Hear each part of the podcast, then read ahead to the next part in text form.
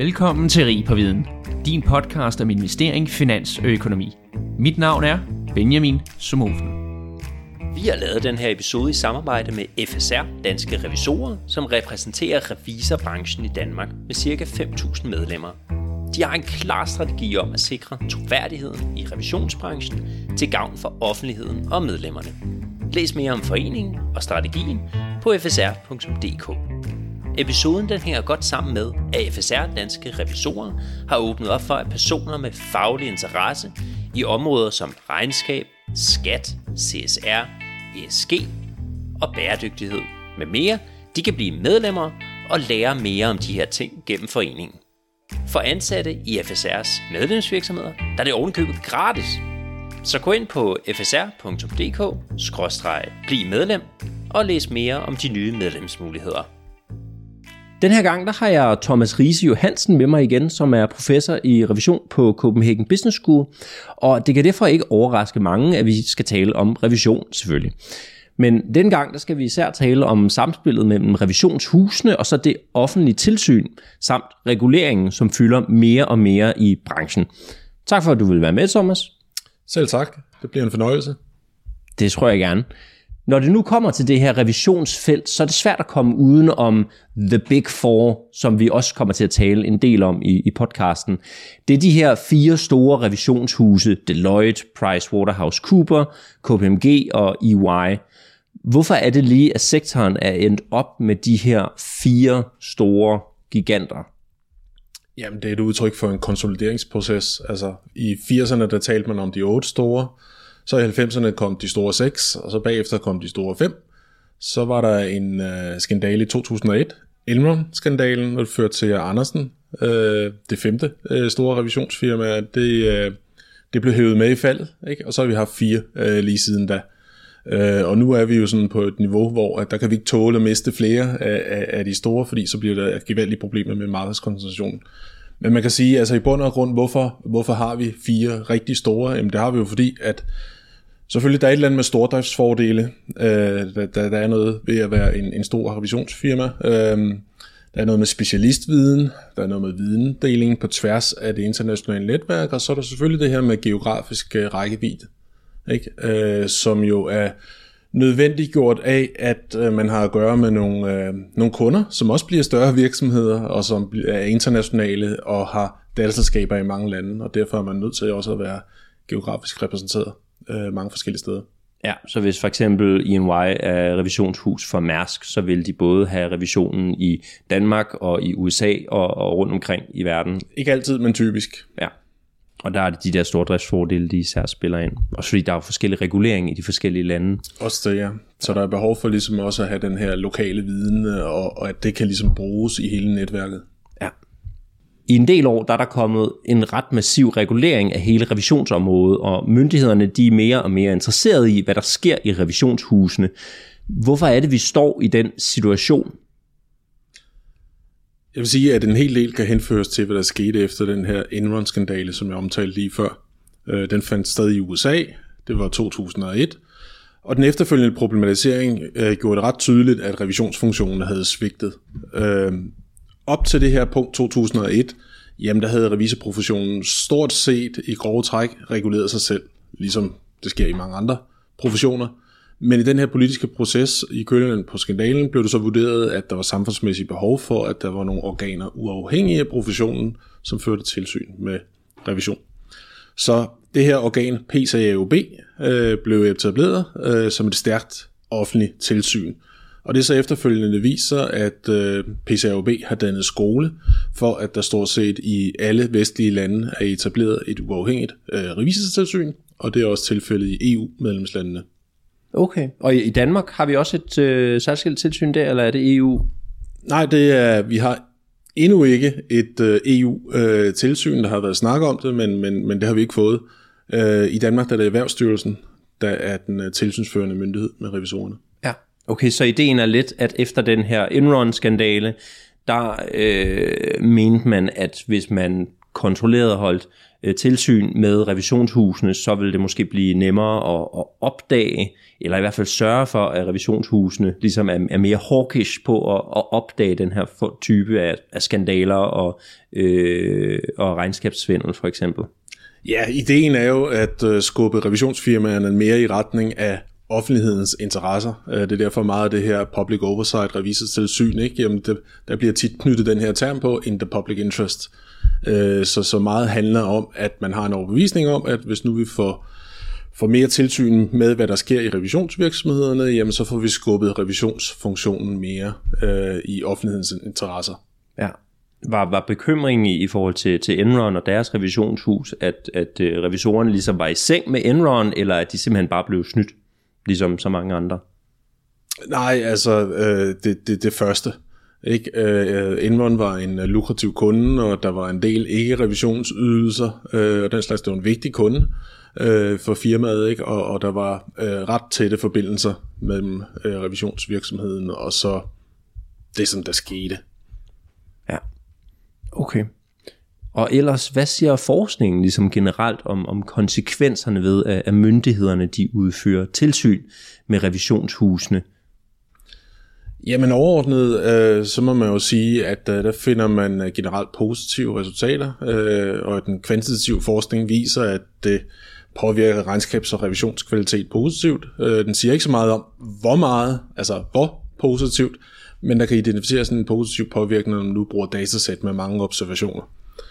Øhm, og generelt så kan man vel sige, at, øh, eller det kan man sige, at det vi kunne kalde bundkvaliteten øh, er blevet højere øh, i, i, i branchen over de sidste 20 år, øh, og det viser diverse øh, rapporter også.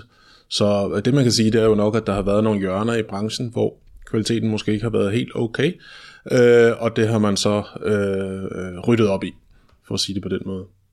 Men altså, forskningen peger jo også på, at der kan være nogle uhensigtsmæssige øh, konsekvenser af introduktionen af det her offentlige tilsyn. Øhm, og hvis man kigger på skal jeg sige, to forskellige virksomhedsstørrelser, hvis vi tænker på dem, de virksomheder, man reviderer, øhm, og det er noget, vi tidligere har talt om, øh, også tog i en tidligere podcast, nemlig det her med små virksomheder, ja. hvor vi for eksempel har det her, hvor vi har en valgmulighed mellem at udføre revision, eller at udføre assistance med regnskabsopstilling. Og der har vi oplevet en tendens til, at revisor i, i langt højere grad øh, end tidligere ønsker at udføre assistanceopgaver, i stedet for at udføre revision, ikke? som ja. vi drøftede i vores podcast for halvt års tid siden, eller sådan noget andet. Ja. Øhm, og problemstillingen er her, at øhm, selvfølgelig en gang imellem så er valget af assistanceerklæring begrundet i, i et behov hos klienten, men der ligger også ligesom i kortene, at jamen, assistanceerklæringer er ikke omfattet af offentlige tilsyn, øh, så derfor er revisorerne heller ikke helt uinteresserede i at lave en assistanceerklæring i stedet for en, en revision, hvor man kan sige, at de så at sige slipper for øh, det offentlige tilsyn. Og det er jo lidt uheldigt, og som vi talte om i podcasten øh, tidligere, jamen så er der jo mange af kunderne, som køber de her assistanceerklæringer, som rent faktisk tror, at de får revision. Ja. Det andet, og det er jo så de, øh, de lidt større virksomheder, de mellemstore, de store virksomheder, de børsnoterede osv., øh, hvor der udføres revision. Og der kan man sige, der er det nogle af de konsekvenser, der er øh, for de revisionsopgaver, og de måske også utilsigtede konsekvenser, som jeg tænker, at vi skal tale om øh, her resten af tiden. Ja. Yes, fordi jeg har jo nemlig skrevet en uh, artikel, dig og så Jørgen uh, Walter Hansen fra, fra CBS også har, og så øh, uh, Saxi Girthar fra det hollandske University of, uh, of uh, Grønningen. Og, og den artikel, den hedder jo så uh, Power Dynamics of Public Oversight of Auditors. Altså simpelthen, hvad er der for nogle magtdynamikker, når der føres tilsyn med revisionssektoren? Hvorfor var det, I, I skrev den her artikel om, om lige præcis de her power dynamics? Jamen, det bygger jo på, at vi i 2001 så det her skift fra selvregulering til mere øh, offentlig øh, regulering og offentlig tilsyn. Ikke? Så det skaber ligesom nogle andre dynamikker, at professionen ikke længere selv ligesom øh, skal håndtere og holde, hvad skal vi sige, orden i egen penalhus, hvis vi skal sige det på den måde, øh, men at øh, et, et øh, udefrakommende tilsyn øh, skal ind og spille en større rolle. Ikke? Øhm, der har selvfølgelig været nogle andre studier og den slags ting, men de fleste studier, der har været, det har været, hvor man kigger på et specifikt point in time, hvis man kan sige det på den måde. Ikke? Altså nu laver vi en undersøgelse, og det er lige nu, øh, og, og hvilke perceptioner er der her, eller, eller hvad, hvad, hvad, hvad, hvad sker der lige på det her tidspunkt. Ikke? Vi havde mere ønsket om, at, at hvis vi kunne prøve at kigge på det over en længere periode, og så prøve at se udviklingen, øh, hvad der sker, øh, og, og hvor vi er nået til, øh, og, og hvilken betydning de her forskellige typer af magtudøvelse og dynamikker, øh, der egentlig har været på spil øh, i den her periode. Ikke? Der er mange syn og mange anekdoter omkring det her, øh, fra den ene og den anden side, og, og det er der netop, fordi det har været en stor omvæltning, ikke? Øh, så er det noget, der betyder noget for mange, og det er meget, man, man snakker om. Så vi havde mere ønsket om måske at forsøge at give et samlet billede over udviklingen i en længere periode. Ja. Og, og, og hvad er det lige præcis, artiklen ligesom øh, handler om? Hvad er det, I forsøger at, finde frem til? Jamen altså, man kan sige, at som nævnt, så prøver vi at kigge på udviklingen over tid. Uh, vi uh, identificerer nogle skift i den måde, hvorpå myndighederne og revisorerne interagerer, altså hvordan myndighederne går til tilsynsopgaven, og hvordan revisorerne responderer. Det skifter lidt over tid. Øh, sådan øh, for at strukturere det lidt, jamen så i den konkrete case, jamen der identificerer vi tre forskellige perioder, hvor vi kan se de her ændringer. Øh, vi kan se, at man starter med at være øh, meget konfrontatorisk, øh, og øh, revisorerne kan bestemt ikke lide den her indblanding. Øh, de, øh, de har en defensiv adfærd, ja. øh, og de synes, at øh, der skal ikke komme nogen udefra og fortælle dem, hvordan de skal udføre øh, deres arbejde, øh, så at sige. Ikke? Mm. Så ligesom om, at øh, vi ser sådan en mellemperiode, hvor man som vi fortolker det, øh, egentlig forsøger sig lidt at, at forhandle sig lidt til rette, hvis vi kan se på den måde. Der er noget pushback øh, for, for revisorerne, men der er også noget øh, ekstra push øh, fra, fra regulatorerne. Og så er det som om, at i den periode her, der, der ændrer man lidt fokus til det, jeg tror, vi kommer til at tale om senere, som man kunne kalde kontrol på firmaniveau. Øh, altså hvor man ikke nødvendigvis kun kigger på, hiver en revisionssag op, og så kontrollerer den, men også kigger på, jamen, hvor godt er det her revisionsfirma egentlig styret, ikke? altså hvor god governance har man og så videre. Ikke? Ja.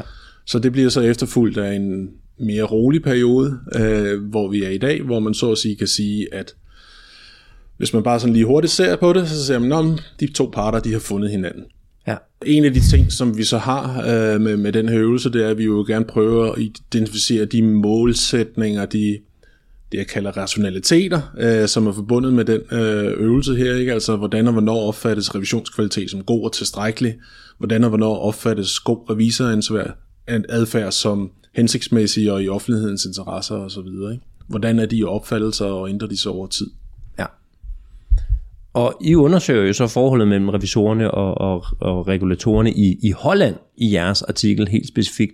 Hvorfor er det, I lige har valgt Holland? Der er et simpelt svar på det, nemlig fordi det er det EU-land, hvor revisortilsynet har været mest markant. Altså hvor at øh, der man startede, øh, jeg skal ikke sige, at man startede, var, var det første øh, EU-land øh, efter Enron, men man var i hvert fald det første, som begyndte at føre et tilsyn, der øh, mindede om det, øh, man har set i, i USA. Altså et, et ret øh, kontant øh, tilsyn, som virkelig tog deres opgave alvorligt og også er kendt for at være et tilsyn, man kunne måske kalde strengt.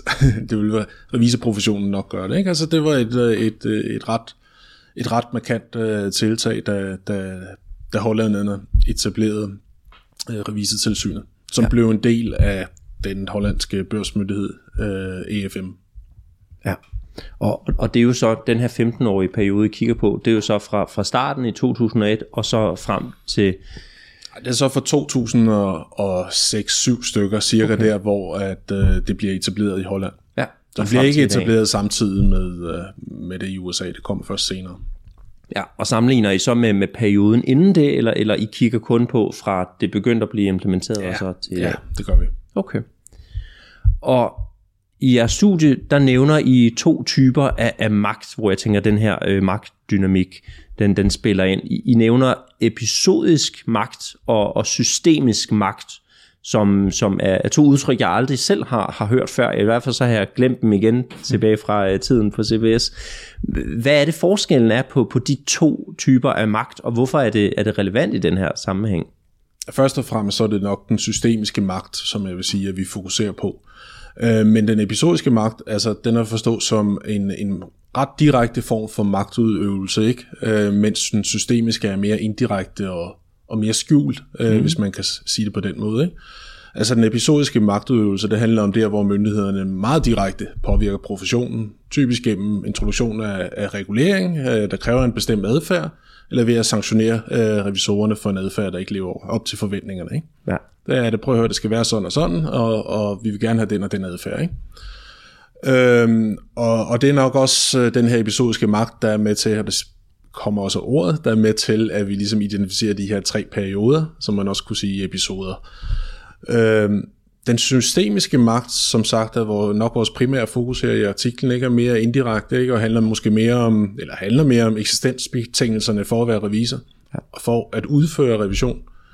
Øhm, og som vi ser det, og det som vi kan se, ikke, jamen, så er det noget, som både myndighederne og revisorprofessionen selv er med til at, at, at påvirke. Ikke? Så det handler mere om, hvordan ser man på, hvad revisionskvalitet er, hvordan måler man det, hvilken målestok anvender man øh, for at måle det her kvalitet i, øh, i, i tilsynet, hvad er rammerne for acceptabelt øh, adfærd, og hvordan i tale sætter man, eller sætter man nogle idealer op for, hvor vi skal hen. Ikke? Hvordan opfattes den gode revisor, øh, hvordan opfattes den gode øh, revision.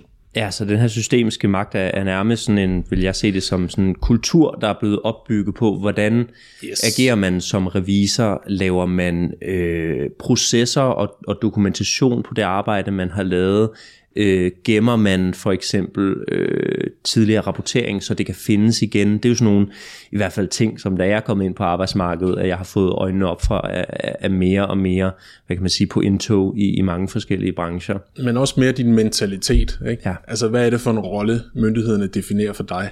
Øh, hvordan er det, man gerne vil have, du tænker, øh, og den slags ting. Ikke? Ja. Men så i den her 15-årige periode i, i Holland, hvor I, I kigger på rapporter og interviews med partnere i revisionshusene og med regulatorerne og, og, og med mere, øh, hvad er det så for nogle resultater, I, I kommer frem til? Altså det vi kan se, det er, at tilsynsmyndigheden, miljøet øh, i starten, øh, primært er fokuseret på, at myndighederne kontrollerer specifikke opgaver. Ikke? Altså det vil jeg tale med, talt om før med, at man tager nogle opgaver ud, så ser man, hvordan de er løst. Ikke? Hvordan er de planlagt, hvordan er de udført, hvordan har man rapporteret. Øh, og at, er, er den her opgaveløsning så i overensstemmelse med revisionsstandarderne. Øhm, og så bevæger man sig hen imod, at tilsynet begynder at stille krav til revisionsvirksomhedernes interne struktur, til deres egen overvågning, til deres egen kvalitetsstyring, til deres egen, øh, så at sige, kultur. Øh, man øh, på, på et tidspunkt for eksempel, så introducerer man øh, øh, uafhængige øh, bestyrelsesmedlemmer i de her partnervirksomheder, øh, som har til formål, at de skal føre tilsyn med øh, revisionsvirksomheden. Så man begynder at interessere sig mere og mere for øh, revisionsvirksomheden som helhed, så at sige, øh, og hvor godt klarer man øh, tilsynsopgaven med sine egne opgaver, så at ja. sige. Ikke? Og det er sådan en slags kontrol og kontrol, øh, kan man sige.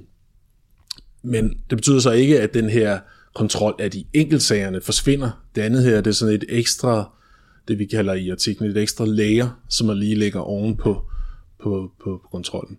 Ja. Og så ser vi, som jeg også nævnte før, det her med, at revisorerne i de indledende faser, altså de i høj grad problematiserer det her med, at nu kommer der nogen udefra og blander sig i vores arbejde. Men med tiden kan man sige, så sker der det, de lærer at leve med det. Altså, de må ligesom acceptere at leve med det, ikke? Øh, og at myndighederne de er til stede, øh, og at myndighederne de har nogle specifikke prioriteter, og det er bare mulighedsbetingelserne for at være revisor. Øhm, og det er lige præcis det, som vi øh, analyserer som en form for systemisk øh, magtudøvelse. Ja.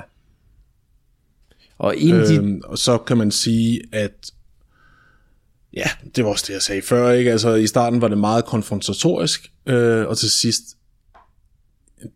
der bliver de virkelig gode venner, hvis man kan Ja. sige det på den måde.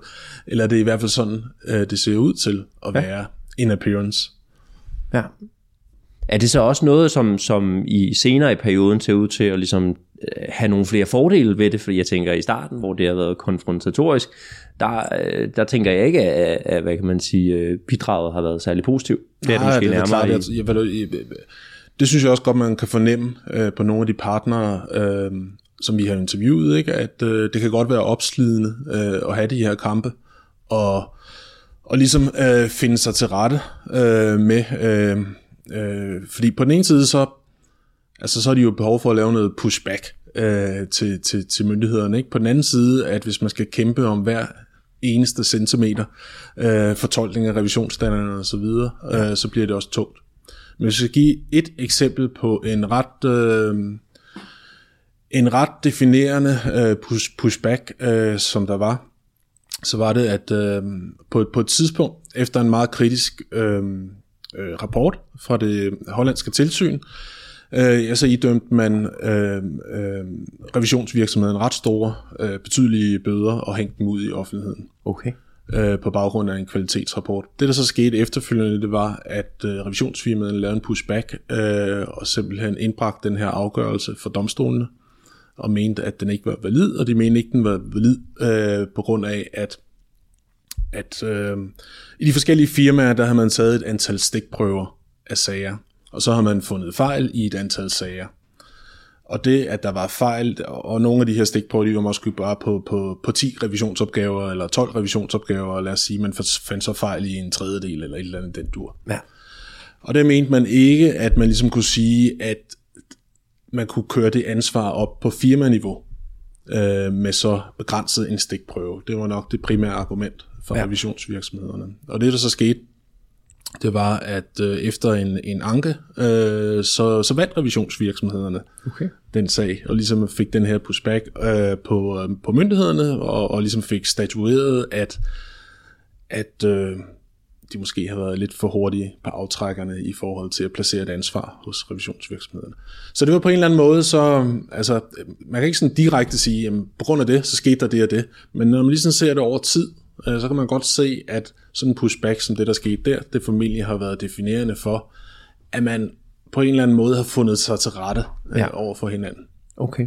Så, så på en eller anden måde, så er revisionshusene, de, de mente ligesom, at ansvaret måske lå hos den, den enkelte revisor, øh, eller, eller måske den enkelte kunde, samspillet mellem dem, og ikke at, at det ligesom var hele revisionshuset, der var, der var pilleråden, der skulle have en bøde. Ja, det kan man sige, at man mente i hvert fald.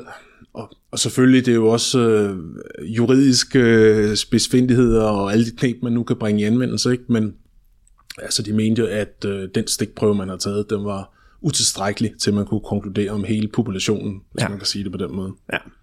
Og, og, og, og når man laver de her stikprøver, er det så er det selve processerne, revisionsprocessen, man, man kigger primært på, eller er det for eksempel, at der bliver decideret lavet øh, regnskabsfejl, regnefejl øh, og så noget, eller, eller hvad er fokus? Selvfølgelig er det en mulighed, at man opdager, at øh, jamen, her har revisor ikke opdaget en regnskabsmæssig fejl. Øh, og så er det jo klart, så har revisionen ikke været god nok, øh, hvis man ikke har opdaget den. Øh, hvis det altså skyldes, at man ikke har overholdt reguleringen.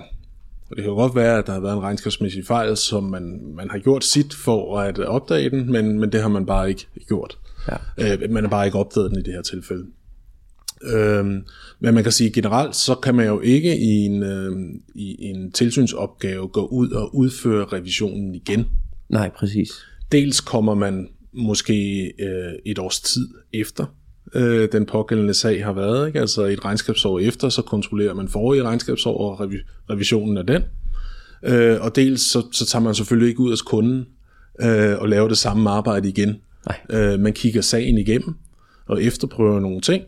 Selvfølgelig forsøger så godt man kan øh, og, og, og, og ligesom udfordre øh, det, der nu engang er gjort. Men det er klart, at meget af det, man kan føre tilsyn med, det er processen, og hvorvidt den her proces, den er i compliance med revisionsstandarderne.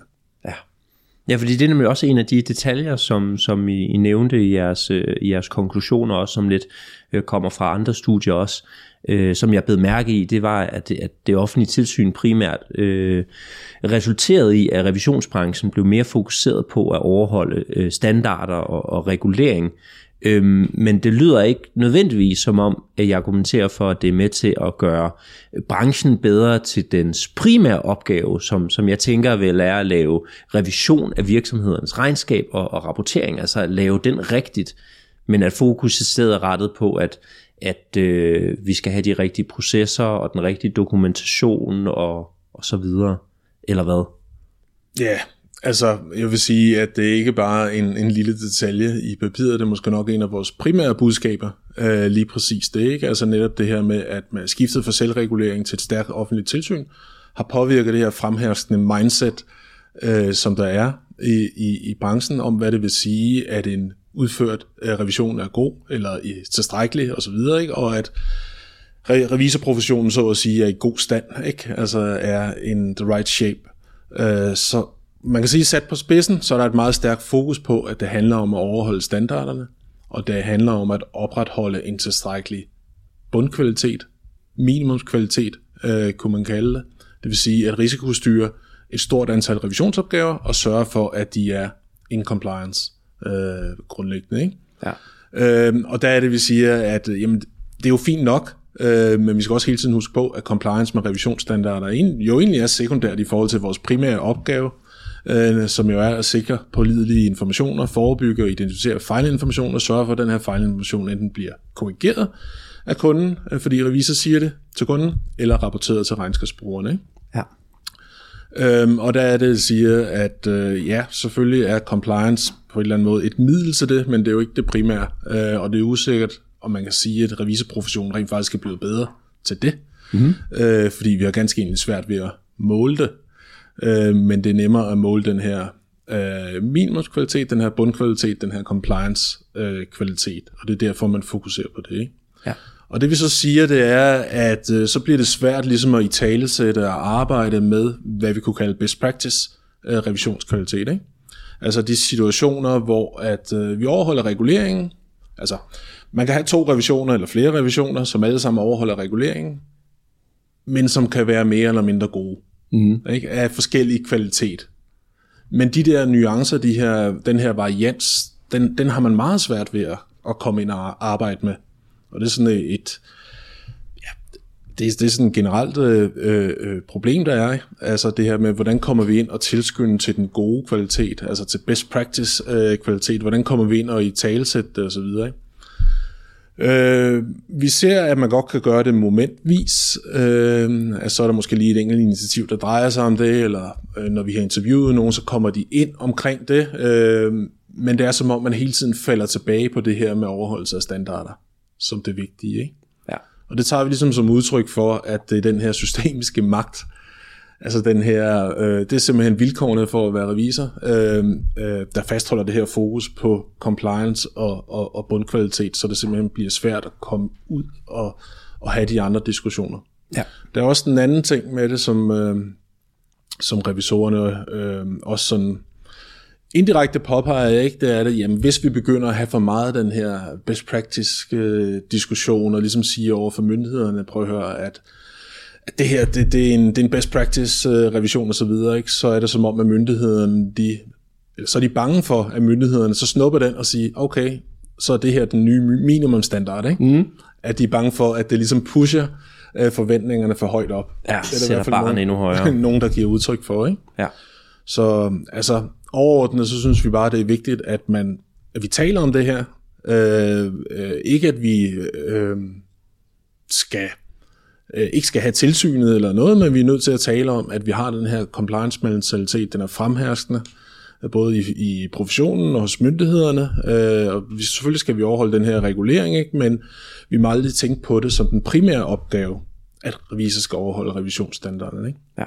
Og når jeg hører nogle af mine øh, øh, studerende, øh, som starter i, i revisorbranchen, ikke, jamen så er de jo fulde af forhåbning om, at øh, nu skal de ud og og, og ændre verden og skabe et transparent, et transparent erhvervsliv og, og så videre, ordentlige regnskaber, ikke? Øhm, og, øh, og nogle af dem, de bliver måske en lille smule skuffet over, at de får følelsen af, at jamen, det her det handler om, at vi skal lave noget dokumentation, således så vi kan vise, at vi overholder nogle revisionsstandarder. Ja. Det er det primære. Ja. Øh, og hvis vi har gjort det, så er det en god revision. Og sådan er det altså ikke. Øhm, Altså sådan burde det ikke være. Fokus skal være på, at revisionen er korrekt og retvisende. Ja, eller man har fokus på, at man skal finde den her fejlinformation. Mm. Ikke? Altså, det er det, man skal jagte. Ikke? Du skal ikke jagte en compliance på revisionsstandarden. Nej. Øh, det skal ikke være det primære slutmål, kan man sige. Vel? Det er et middel til at opnå noget andet. Ja. Og man kan sige, at øh, hvis vi måske her afslutningsvis lige kan perspektivere til, øh, til bæredygtighedsrapportering, Ja. og vise os involvering i forhold til det. Altså så, som du måske ved, så har vi i øjeblikket en, en, en kæmpe bølge af nye regler og standarder omkring rapportering og øh, om klima og biodiversitet, sociale forhold, værdikæder og den slags ting. Og der er jo også et lovkrav øh, om revisorerklæringer, som kommer her fra 2024. Øh, det, som jeg bider mærke i, det er, at øh, hvor stor en del af den her debat, der egentlig handler om compliance, ikke? Ja. hvor stor en del hvor mange arrangementer, der ikke bliver arrangeret, hvor man siger, prøv at høre, nu kommer der en kæmpe bølge af nye regler og så videre. Det er vigtigt, at I er forberedt, det er vigtigt, at I får etableret systemer, således så I kan være i compliance fra dag et øh, og så videre. Ikke? Og, og revisorerne ser den ligesom som deres opgave, nu skal de tjekke den, tjekke den her compliance med, med, øh, med rapporteringsstandarderne, ikke? og der kommer også en standard for, for revisors opgaver, som de så også øh, skal, skal overholde. Ikke? Så det, jeg bider mærke i, det er, at det er som om, man nærmest, hvis man gør det, så får man per automatik en grøn omstilling. Ikke? Og det gør vi jo ikke nødvendigvis.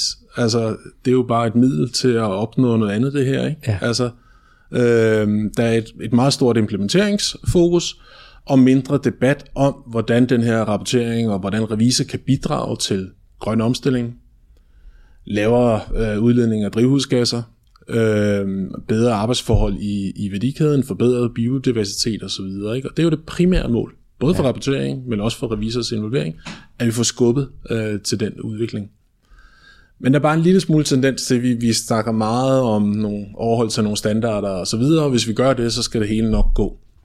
Ja, fokus kommer simpelthen på at, at rapportere på tallet, i stedet for at bruge tallet til noget nyttigt i, i selve driften af virksomheden, for eksempel. Ja, og tænk på, hvad er det, revisor skal erklære sig om? Øh, skal revisor for eksempel erklære sig om nogle historiske oplysninger, eller skal revisor måske mere øh, forholde sig til fremtiden? Og prøve at, og, og ligesom udlægge for regnskabsbrugerne, jamen, hvad skal det egentlig til, for at vi når de her mål i fremtiden?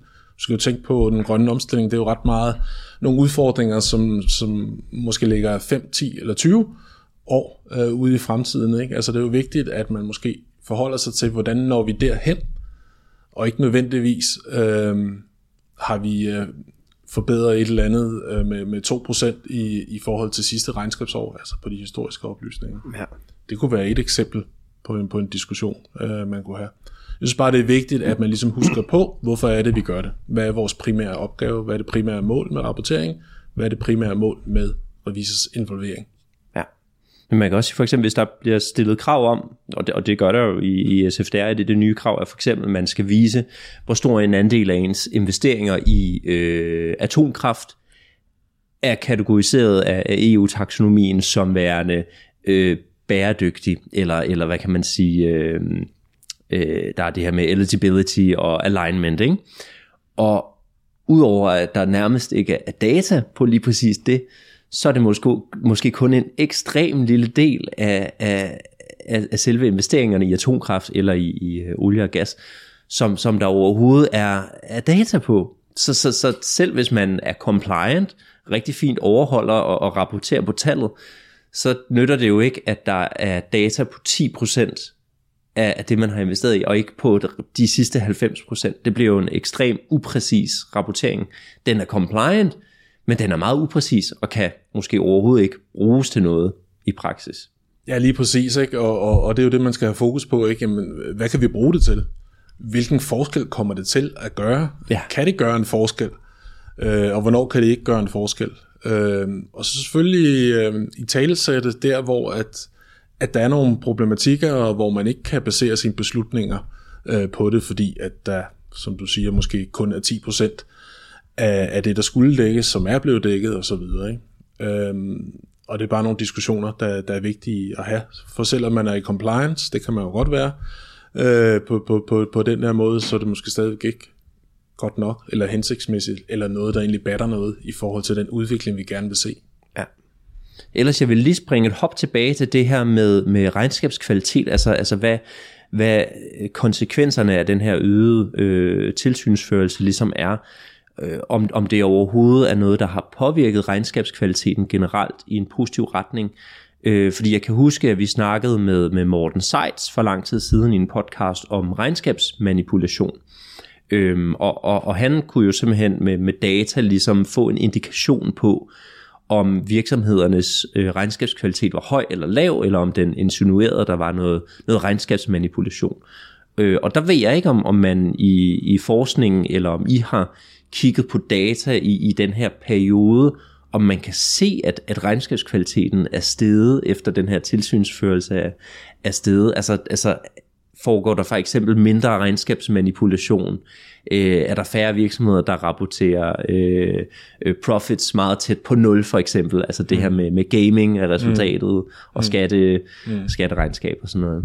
Det har vi ikke gjort, men det er der en masse andre, der har gjort. Mm. Altså det er der, den overvejende del af forskningen har været, ikke? Altså hvor at man så har studeret øh, det her skift, altså det her, hvor man i et specifikt land, så har man indført den her oversight i år et eller andet, 2007 eller 8 eller hvad det kunne være, og så undersøgt det, hvad har det egentlig betydet for regnskabskvaliteten. Og jo, øh, der kan man godt finde, øh, at det har haft en, en, en positiv påvirkning, eller i hvert fald ser sådan ud.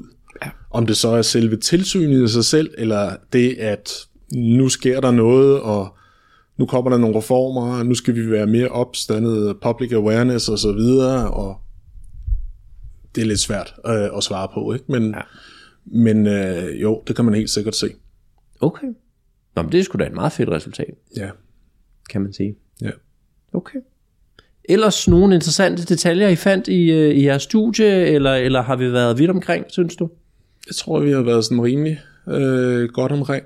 Øh, der er selvfølgelig nogle flere detaljer i, øh, i, i, i studiet, men, men så bliver det også sådan relativt øh, teknisk. Jeg synes, vi er kommet sådan meget godt omkring hovedlinjerne, hvis vi kan sige det på den måde. Ja.